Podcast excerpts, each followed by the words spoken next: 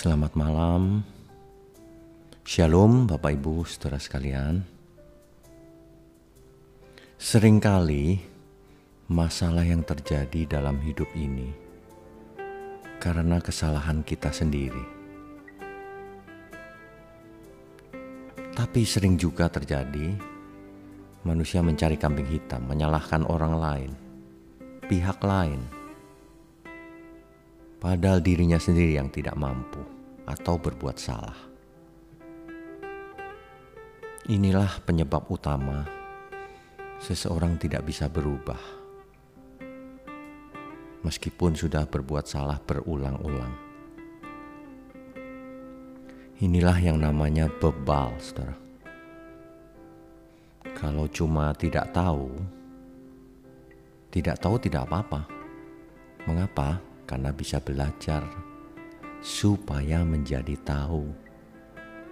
Tapi kalau sudah belajar lalu menjadi tahu, tetap saja dilanggarnya, itu namanya bebal. Inilah yang diperingatkan oleh firman Tuhan. Janganlah kita hidup seperti orang bebal, tetapi seperti orang yang arif bijaksana. Sebab kalau kita mengulang-ulang terus kesalahan yang sama, yang rugi kita sendiri. Orang yang bijaksana adalah orang yang belajar dari kesalahannya. Oh, dulu saya salahnya itu. Saya tidak akan mengulangi lagi kesalahan saya. Harusnya demikian normalnya.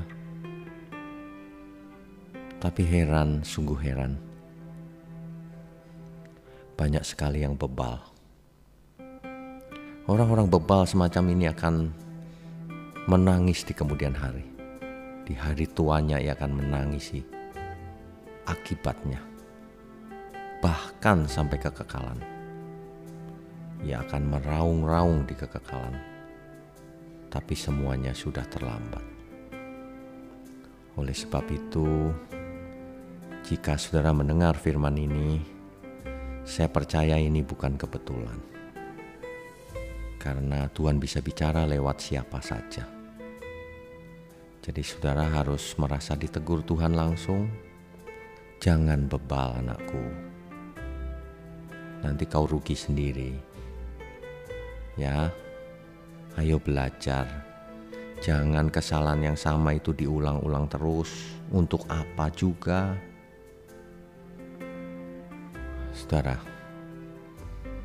hidup ini memang memang begini. Banyak sekali orang yang mengulang kesalahan yang sama.